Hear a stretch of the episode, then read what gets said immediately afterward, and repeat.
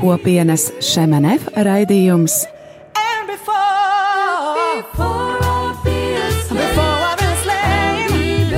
Jaunais ceļš.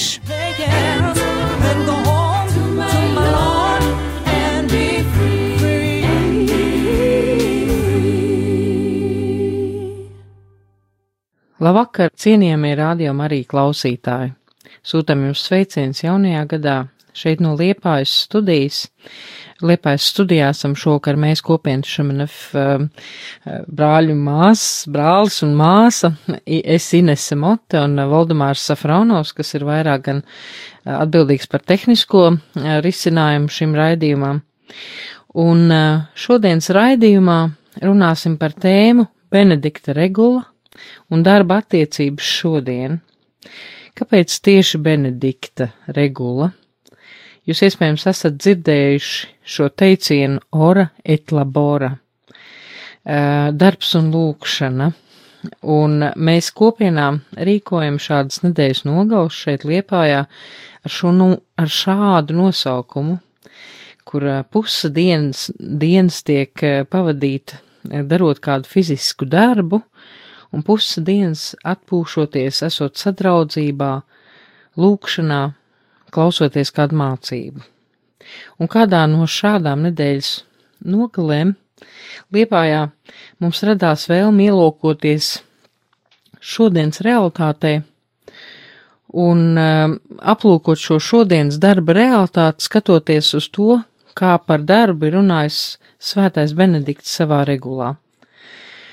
Um, Benedikta regula un darba attiecības, ja mēs varētu vēlreiz tā noformulēt varbūt šodienas tēmu, un viss šķiet pretstatīts.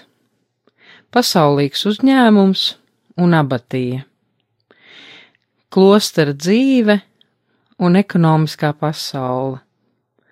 Un tomēr caur savu universālo un ļoti vispārējo veidu, ko piedāvā benediktīniešu regula, šeit ir vairākas iespējas, risinājumi, kā uh, meklēt kaut kādus ceļus šīm attiecībām, darbu un atpūtu, spēku, stiprumu un žēlastību, varenumu un nabadzību, klostera mūrus un brīvību, materiālo un garīgo, izdevīgumu sev un veltīšanos citiem, meklējumus un reizēm produktivitātes noilgumu, un beig beigās atpūtu. Un uh, vairākas tādas konkrētas atbildes attiecībā ar šodienas profesionālo darbību ir atrodams šajā 16. gadsimta tekstā. Ļoti skaidri šeit ir runāts par vadītāju kvalitāti, par rūpēm, eh, kas mums ir vajadzīgas atpūtā, par personāla iekadrēšanu un deleģēšanu, par aizliekšanu uz aizsprostojumiem, norobežojumiem, par grūtu lēmumu pieņemšanu, par sankcijām un izraidīšanu, par iedrošināšanu un kā atbildēt uz motivācijas trūkumu un darba medicīnu visbeidzot. Tie ir tādi likumi, kas šodien mums parāda pārsteidzošu modernitāti, ko mēs varam tiešām iepazīt šajā Benedikta regulā. Ļoti ilgu laiku, ļoti ilgu laiku cilvēks bija pāri pār visu šīs pasaules radību. Cilvēks bija radīts kā kaut kas vairāk nekā vispārējie vairāk kā dzīvnieku, vairāk kā lietas. Pirmajā mūzes grāmatā, trešajā nodaļā, piektajā pantā ir pat teikts, jūs būsiet kā dievi. Bet pašlaik mūsdienu perspektīvā, mūsu mūsdienu pasaulē skatoties, cilvēks ir kļuvis vājais posms, neaizsargāts un neaizsargāts tieši šajā darba ķēdē. Kasieris veikalā, piemēram, ir mazāk spējīgs nekā pati kase, kas pati ieraksta, tā nekļūdās. Darbs varētu būt mums domāts kaut kas tāds, kas varētu kalpot gan vīrietim, gan sievietei. Tāpat kā arī darbu iespējams būtu iespējams, varbūt mēs varētu pat aizmirst. Bet vienā sabiedrībā, kādā, kāda ir mūsējā, viss risks ir tāds, ka cilvēks kļūst resurss, un to var ielikt kalpošanā mašīnām, sistēmai, tehnikai, visvairāk izņēm, uzņēmumu sistēmai. Citos laikos um, tas bija ļoti droši cilvēkam, jo cilvēks bija augstākais punkts šajā piramīdā, šajā radības piramīdā. Tā bija dzīvības piramīda, Tā bija, um, tātad atceramies, skolā esam mācījušies, ir šī uh, dzīvības piramīda, kur ir augu pasaule, kur ir dzīvnieku pasaule, kur ir daudz šūniņi, viens šūņi un pašā augšā bija cilvēks, karaliskā stāvoklī. Un šodien, mm, šodienas filozofi ļoti skaidri parāda, ka šodienas piramīda ir pilnīgi apgriezusies ar kājām gaisā. Pilnīgi pretēji. Ar šo pasauli, kur tehnoloģija ir tik noteicoša, tā ir, kura valda šodien. Tā ir tā, kura nekļūdās. Ierīces, kuras nekļūdās. Un tas pat nav salīdzināmi. Un ja šajā visā ierīču sistēmā veidojas kāda kļūda, tiek meklēts cilvēks, kurš ir sistēmā pieļāvis kļūdu, kurš kādā posmā ir nokļūdījies. Un šodienas cilvēks ir piramīdas apakšējā punktā, un uh, cilvēks uh, tiek vainots, cilvēks kļūdās, un uh, cilvēkam ir tiek izdarīts ļoti liels spiediens. Tātad atskaites punkts vairs nav cilvēks, bet diemžēl pretēji cilvēkam šī, šī mašīna, šī tehnoloģija, šīs sistēmas.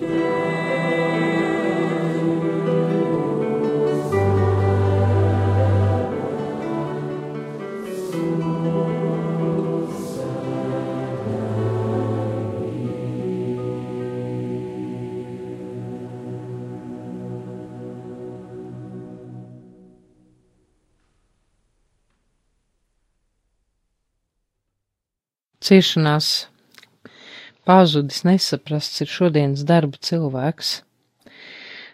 Viņš, eh, iespējams, bieži vien mēs uzdodam arī savu jautājumu, kāda tam visam ir jēga, kāda um, šim darbam ir jēga, kāda ir šādai dzīvei jēga. Atcerieties, ko mūsu grāmatā ir rakstīts, eh, tā taisiet ķieģeļus. Vai modernais darbs šodien ir verdzība kaut kādā veidā? Kā var pret to vērsties? Kā darbs var kļūt tik necilvēcisks? Lai redzētu pozitīvo dimensiju un kvalitāti darbam, ir jāatgriežas pie cilvēka darba. Un jūs varat mīlēt darbu, ja tas domāts cilvēkam, tā kā piemēru eh, šai, šai domai varam domāt par šo cilvēka darbu pie konvejera. Kas ir darbs cilvēkam? Tas ir kaut kas, kas ļauj da darbam būt jūsu darbam, jūsu veikumam, kad jūs strādājat pie konvejera. Produkts, kas ķēdes procesā veidojas, nav jūsējais. Jūs piedalāties veidojot kādu priekšmetu šī ķēdē, bet jūs neesat to veidojis. To pagatavojis, to radījis, to izdomājis. Un tas ir tas, kas darbu padara mazāk cilvēcīgu, un pat neļauj iemīlēt šādu veidu darbu, kas neļauj tā pa īstam arī atpūsties no da pie darba. Lai izo, izietu no negatīvā aspekta, nožēlojamā aspekta, ir atkal jāatrod kvalitatīva darba pieredze, kas iesaist kāda darba realizācija, kas ir mans darbs, visspēcīgākajā veidā Mūsu šī civilizācija dara visu, lai vienu personu uztvertu kā priekšmetu. Mums dati e, ir tik ļoti personīgi, kad reizēm varbūt mūsu šie dati, es nezinu, vai tas notiks Latvijā vai kādā citā valstī, bet uh, pat iespējams drīzumā būs cilvēkiem čipi, ar kuriem varēs kaut kādā veidā tehniski noteikt, kas tu esi. Indivīds ir kļuvis par savu veidu resursu. Viņš, un viņš pats šaubās starp aparātu, mašīnu un šo tehnisko pusi, tirgošanos, visu komercializēšanu, pat līdz savu ķermeņa komercializēšanai. Pretēji šai darba pasaulē mums ir divas lietas - radošums, jo cilvēks ir radīts pēc dieva attēla un viņš piedalās radīšanas procesā un ir spējīgs ar savām rokām darīt neiedomājams lietas. Un otrais aspekts - kalpošana. Kalpošana, darbs ar nožēlu, cilvēks ir nepārtrauktā atkārtošanas ritmā, rutīnā, neizturam situācija, kura viņam ir jādara, kas nav viņa dabīga tāda vajadzība, bet kas ir jādara, jāatkārto visu laiku viens un tas pats. Mūsu uzņēmums ir uzņēmums, un ir reizēm jācīnās, izmantojot visas iespējas, kas nāk no mūsu, no mums. Un ir, ir kaut kādas tajā visā um, bailes cilvēkam tiek uz, uzlikts kas, eh, ka es baidos, es baidos par to, ka es varu kaut ko neizdarīt manā darbā, es baidos, ka mans darbs varbūt neizdosies, ka tas būs nekvalitatīvs, ka citi mani kritizēs, un arvien vairāk tādā cilvēki ir zem tāda spiediena, kāda tad būs šī gada rādītāji, vai mēs spēsim visu izdarīt, un mums ir taču obligāti jābūt labākiem nekā nākamajā pagājušajā gadā. Tagad ir tāda jaunā gada mīja, un bieži vien mēs cilvēks apņemamies būt labāki, atstāt ko sliktāku, paši nemaz tā īsti neapzināmies, uz ko labāku tad mēs tagad ejam. Un tāpat tās mazliet ir ar šīm darba attiecībām, kad šis darbs pieprasa ar vien vairāk tādu perfekcionismu, vairāk atdevi, efektivitāti, un ja tu nespēji to izdarīt, um, iespējams atradīsies kāds cits tavā vietā, kas var to darīt, un tā rodās bailes. Tāds, tāds cilvēks um, um, uh, reizēm tās, tas cilvēks varbūt um, ir kaut kādā veidā zem tādas ļoti augstas latiņas spiediena, ja mēs tautā tā teiktu. Un um, tāds darba dreifs, kas mums ir, vai tāda dreifošana, tā īstenībā iesākas jau svētdienas vakarā. Tas ieliek tādu mūsu cilvēks tādā rāmī, un var pat uh, mūs vest uz tādu sajūtu, ka mēs negribam mīlēt mūsu darbu, kas mums ir jādara, jo visa šī it kā tāda ikdienas rutīna sāksies no pirmdienas, un jau svētdienas vakarā es psiholoģiski sāku domāt par to, ko man negribēsies darīt. Un klosterdzīves eh, cilvēki vai kopienas dzīves cilvēki nav svešinieki ar šādām profesionālām izsīkšanām vai pārgurumu. Šādi cilvēki ļoti bieži raksturojas ar tādu prieka zudumu, depresiju, intereses zudumu, vienaldzību, un arī cilvēkiem kas eh, pārāk sevi velta tieši tādām darbam, sevi mēģina aprakt darbā, ļoti bieži to piepildījumu tādā veidā nevar atrast, un līdz ar to tas pārvēršas tādā pretējā, tādā zināmā apātijā. Bet mēs zinām, ka mēs esam radīti visam, lai būtu visā un vēl vairāk. Mums ir iespēja dalīties ar Dievu viņa dzīvē, un nepārtraukti mēs saprotam, ka mums tas tomēr ne, neizdodas. Un tā ir atšķirība starp to, kam mēs esam radīti, un to, ko mēs izdzīvojam. Un reizēm tas, ko šīs divas lietas, kam mēs esam radīti un ko mēs patiešām izdzīvojam, ra rada kompromisus mūsos. Un reizēm mēs uh, kļūstam pat vienaldzīgi mūsos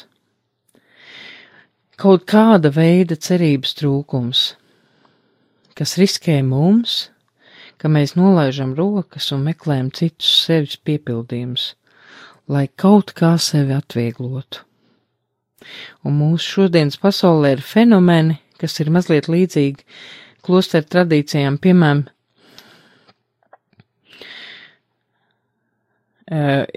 piemēram, ir tādas lietas, kur es varu uh, iet uh, pēc mana darba un uzlādēties, un uh, es varu atrast uh, kādas vietas, kas man atļauj atspirkt manā dzīvē, um, kas man um, ļauj atlaist grožus, kas ļauj man būt man pašam, kas ļauj man ne, neskatīties uz mani pašu ar kritisku skatienu, un uh, reizēm tas var aiziet pārāk tālu tāda atslāpšana, kad mēs uh, pazaudējam kaut kādu stabilitāti pat zem kājām. Un, ja runājam par tādu vienaldzību un atsalmu, kas var uznākt, tad bieži tas nav tikai pret darbu, bet tas ienāk mūsos visās dzīves sfērās. Un es reizēm varu uzdot sev jautājumu, ko es te daru, kas es esmu, kāpēc es te esmu? Un kāda jēga tam visam ir kāda jēga ir gan manam darbam, gan manai dzīvei. Tad, kad es um, uh, mēģinu kaut kādā veidā meklēt lietas un piepildījumus tur, kur, tur, kur man tos nevajadzētu meklēt, tur, kur man stabilitāte ir, uh, var pazust zem kājām. Un um, jautājums, um, kas, kas mūs var bieži arī mūsos darboties, ir jautājums par kompetenci, kas kļūst pilnīgi tirānisks mūsu sabiedrībā. Dažādu spēju uzskatīšana, uzskaitīšana, diplomi, pat lai varētu izā, iziet kādu vienkāršu praksi, ir jāprezentē, jārāda diploms, un tas ir kaut kas briesmīgs, jo Tas dod pilnīgi visiem reizēm sajūtu, es neesmu spējīgs, vai zinu pārāk maz, vai es mani nenovērtē. Uh, um, man liekas, ka Latvija ir viena no tām valstīm, kur mē, mums ir tik daudz diplomu, mums ir tik daudz dažādu izglītību, un arvien vairāk cilvēku un cilvēki iegūst vienu otru augstāko izglītību, jo mūsu sabiedrība to pieprasa. Un ja man tā nav, man ir bail, ka es nevarēšu saņ, um, sameklēt darbu, jo man nebūs kaut kādu papīru, bet uz manu kompetenci varbūt mazāk skatīsies nekā uz manu papīru vai uz manu pieredzi.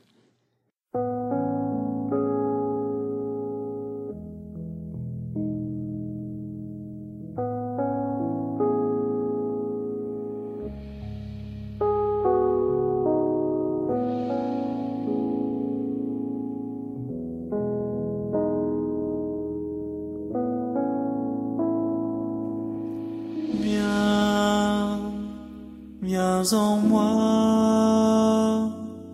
Jésus, j'ai soif de toi. Viens me relever, viens me délivrer, viens me purifier. Oh Jésus. Jésus,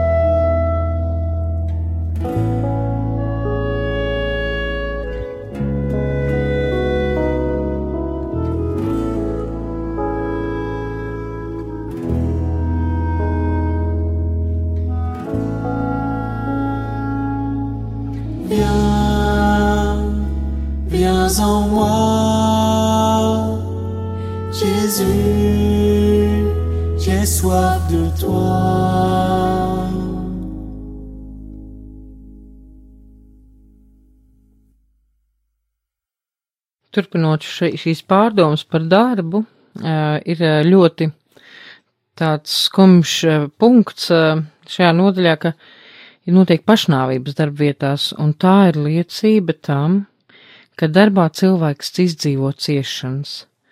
Traģiski, banalizēti visi dzīves noteikumi īstenībā sarežģīto telpu, kur mums visiem jādzīvo kopā. Tā vietā, kur mēs esam doti viens priekš otra, beig beigās katrs cilvēks paliek viens šī sabiedrībā. Es uh, gan runāju vairāk par pašnāvībām uh, Francijas vidienē, jo man tā ir mazliet pazīstama, un uh, Francijas telekom bija vienu brīdi ļoti traģisks šis jautājums, ļoti daudz cilvēki tiešām izdarīja pašnāvības, un tas uh, tas bija kā izsaukuma zīme, tas ir par daudz, un tas tā pašā laikā cilvēks ir radošs būtne, tam vajadzētu būt darbam, kas nepārtraukti ir radošā turpinājumā. Svētais Bernārds, kas ir izveidojis šo, šo ideju, uh, orēt labora, uh, uh, saka, ka darbs ir jāpavada ar lūkšanu un ar dalīšanos jo ir risks, ka darbs mums var iedot sava veida algdievību, jo darbs var būt kā neaptverama lieta, kuru pārveidoja, kura pārveidojot šo pasauli, tas ir kaut kas nebeidzams, un tas būs vienmēr, vienmēr ko darīt. Un mums ir um, pašā sākumā arī Bībelē tāds teksts, kas parāda saistību ar mūsu laiku. Tā ir atpūtas diena, uzsākšana, iest, sabata iestādīšana, brīdis, kad mēs pilnīgi izvēlamies pārtraukt darbu, jo savādāk cilvēks sāk sevi darbā aprīt un beigās, tā kā tas ir viņa roku vai citādāks darbs, viņš pats sevi iznīcina. Cilvēks eh, pēc līdzības mēs visi esam veidoti kā mūsu radītājs un gribot visdziļākajā būtībā arī tāds būt, šī vēlme ir mūsos visos cilvēkos būt kaut kādā veidā radītājiem, bet reizēm tāda pārņemtība no tā, ko es daru, var mani radīt par vergu šim darbam. Darbs var mūsu sabiedrībā veidot tādu ainu. Iedomājieties, termīti, tās skudras, kas uh, ceļ šīs māla mājas, šos lielos pūžus, un milzīgs termītu uzcelts kalns, un visu laiku jānotiek kustībai. Tāds salīdzinājums ar to un sabiedrību un mūsu attiecībām šodienas sabiedrībā un darbu. Es domāju, tieši jaunajā gadā, 31. datumā vai 25. datumā, esot šeit Latvijā, ejot pa pilsētu, bija veikali, kas bija atvērti, jo mums visu laiku darbojās veikali, mums visu laiku darbojās šis pirkšanas pārdošanas process, un taču cilvēki nepārtraukt strādāja, viņiem nebija svētki. Mēs tiešām nebijām spējīgi, neesam spējīgi saplānot savu dzīvi tā, lai mums nebūtu jāizmanto mūsu svētku dienas un uh, jāizmanto pirkšanas pārdošanas šis te pakalpojums. Tāpat cilvēki, tad, kad mums ir šis darbs, tas ir kā mums eh, it kā dod neatkarību no vienas puses, un tai pašā laikā mēs jau esam pilnīgi atkarīgi no šī darba. Kā mūsu darbs, mūsu roku darbs ir novedis pie tā, ka cilvēks ir kļūst par kalpu kaut kādai sistēmai, kādam aparātam, kādai tehnikai, ja cilvēks pašā iesākumā ir bijis tas pilnīgākais, kas ir radīts. Tad, kad mākslinieks, piemēram, keramiķis strādā materiālu, viņš rada un respektē materiālu, mālu, un šodienas cilvēks vairāk vai mazāk vēlas, diemžēl, dominēt.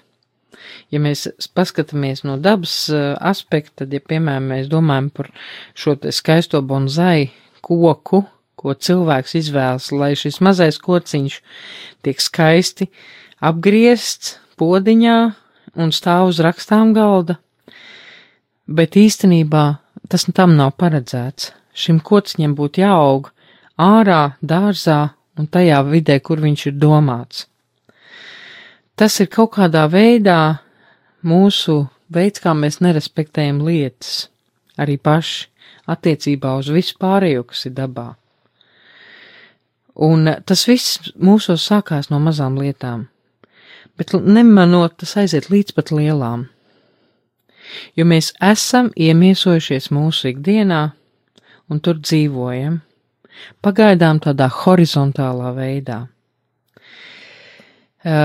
Mūsu darbs ir cilvēcisks, ja cilvēkam ir prioritāte šajā darbā. Ja viņš var apsvērt, kas ir jādara, jāpiepilda.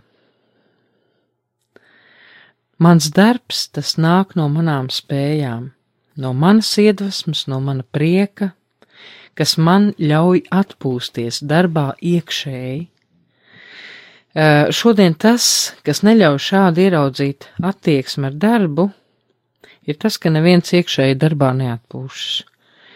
Man ir nācies, varbūt es nestrādāju personīgi pagaid, pagaidām šādu darbu, valstisku darbu, bet viens no maniem draugiem nav dalījies par to, ka viņš atpūš darbā iekšēji, jo ir šis ievainojums šis vājums cilvēkā un attiecībās ar savu darbu. Un svētējiem Benediktam nebija pirmā interese darbs regulā, kad viņš rakstīja. Viņš rakstīja, tā ir nepieciešamība, nevis pirmā izvēle. Tātad, ja lasa Benediktu regulu, tad jēdzieni vai apraksti par darbu nāk uz teksta otro pusi uz beigām. Tā nav prioritāte. Pirmās ir lūkšanas un kalpošana, un tad darbs. Un tādā veidā svētais Benedikts mēģināja līdzsvarot mūku dzīvi, mūku ikdienu, lūkšana un kopīgā dzīve, virtuves darbu un tā tālāk kopdzīvēi. Tas, kas dod iespēju dzīvot kopā, un vārds darbs nāk ar pārsteidzošu piezīmi. Ja to pieprasa dzīves vieta un nabadzība pieprasa, tad tas ir vajadzīgs. Tātad mūki uh, savā realitātē ar savu reālo dzīvi, tur, kur viņi ir un apstākļos, lai izdzīvotu vienkāršībā, viņi paši izvērtē, cik daudz strādāt, bet tā nav prioritāte. Tā pašā laikā Tesaloniķu vēstulē mēs lasām trešajā nodaļā desmitā pat, ja kāds negrib strādāt, tad lai tas arī vairāk nēd. Um, izvēlēties dzīvi klosterī vai kādā kopienā dzīves brālībā tā ir radikāla izvēle, kur visa dzīve ir pavadīta gan lūkšanu, uh, pavadībā, gan uh, lekcio divīna pavadībā un darba pavadībā. Un līdzīgi saka par trīspinuma virvi, ja mēs iedomātos virvi, kas ir pīti no trīs daļām, uh, benediktīniešiem viņi saka līdzīgi - lūkšana, darbs un izglītošanās. Un visa diena tiek iedalīta no šīm trim aktivitātēm. Tas mums palīdz ieiet nevis katrā elementā atsevišķi, bet veidojas kopīgs ritms, ka visas trīs tiek savienoti. Būt laimīgam kā cilvēkam nav pietiekoši tikai no darba. Mācības un izglītošanās nedūs to pašu apmierinājumu, un nav pašpietiekami atrast kaut ko vienkārši sevī, bet kopā harmonijā darbs, mācības, Sadraudzība ir tas, kas mūs aizpilda, lūkšanas, kas iet pāri mūsu inteliģencei un aizpilda mūsu sirds nišu. Mums ir arī vairāk klosteri, mums ir Domba sabatija, mums ir Otkoma sabatija. Dievs ir pieļaus, ka mēs varam dzīvot šādās vietās un mazliet izdzīvot šo klosteru dzīvi. Un brīdī, kad darbs pārņem pārāk daudz, mēs ļoti labi redzam, ka tas ir brīdis, kad mēs neļaujam Dievam sakārtot mūsu ikdienu. Un cilvēks, protams, ir pirmais, kas ir šī darbā, pats prioritāte, bet cilvēkam ir jāuztic šis darbs arī Dievam. Cilvēks ir kā instruments, kuru Dievs var izmantot šajā darbā. Es gribētu novēlēt, lai mēs šajā jaunajā gadā tiešām arī mācētu mūsu inteliģenci un mūsu prātu un lūkšanu veltīt Dievam un arī mūsu darbu, lai mūsu dzīve nav tikai atkarīga no mūsu materiālās dzīves, lai mums ir kaut kāda harmonija starp to, ko mēs gribam dzīvot un dzīvojam, un lai Dievs mums visiem palīdz iemācīties, sakārtot mūsu prioritātes. Paldies, ka bijāt ar mums šodien šajās pārdomās par šajā raidījumā par benediktīniešu regulu un šīm darba attiecībām, kas mums ir šodien, un pārdomāt, kā mēs varētu katrs uzlabot savu attieksmi, savu dzīvi šādā veidā. Mm -hmm.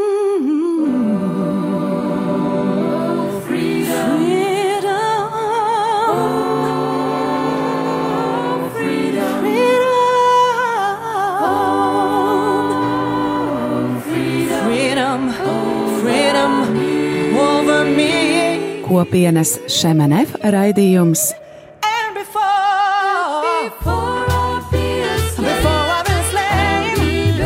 Jaunais ceļš.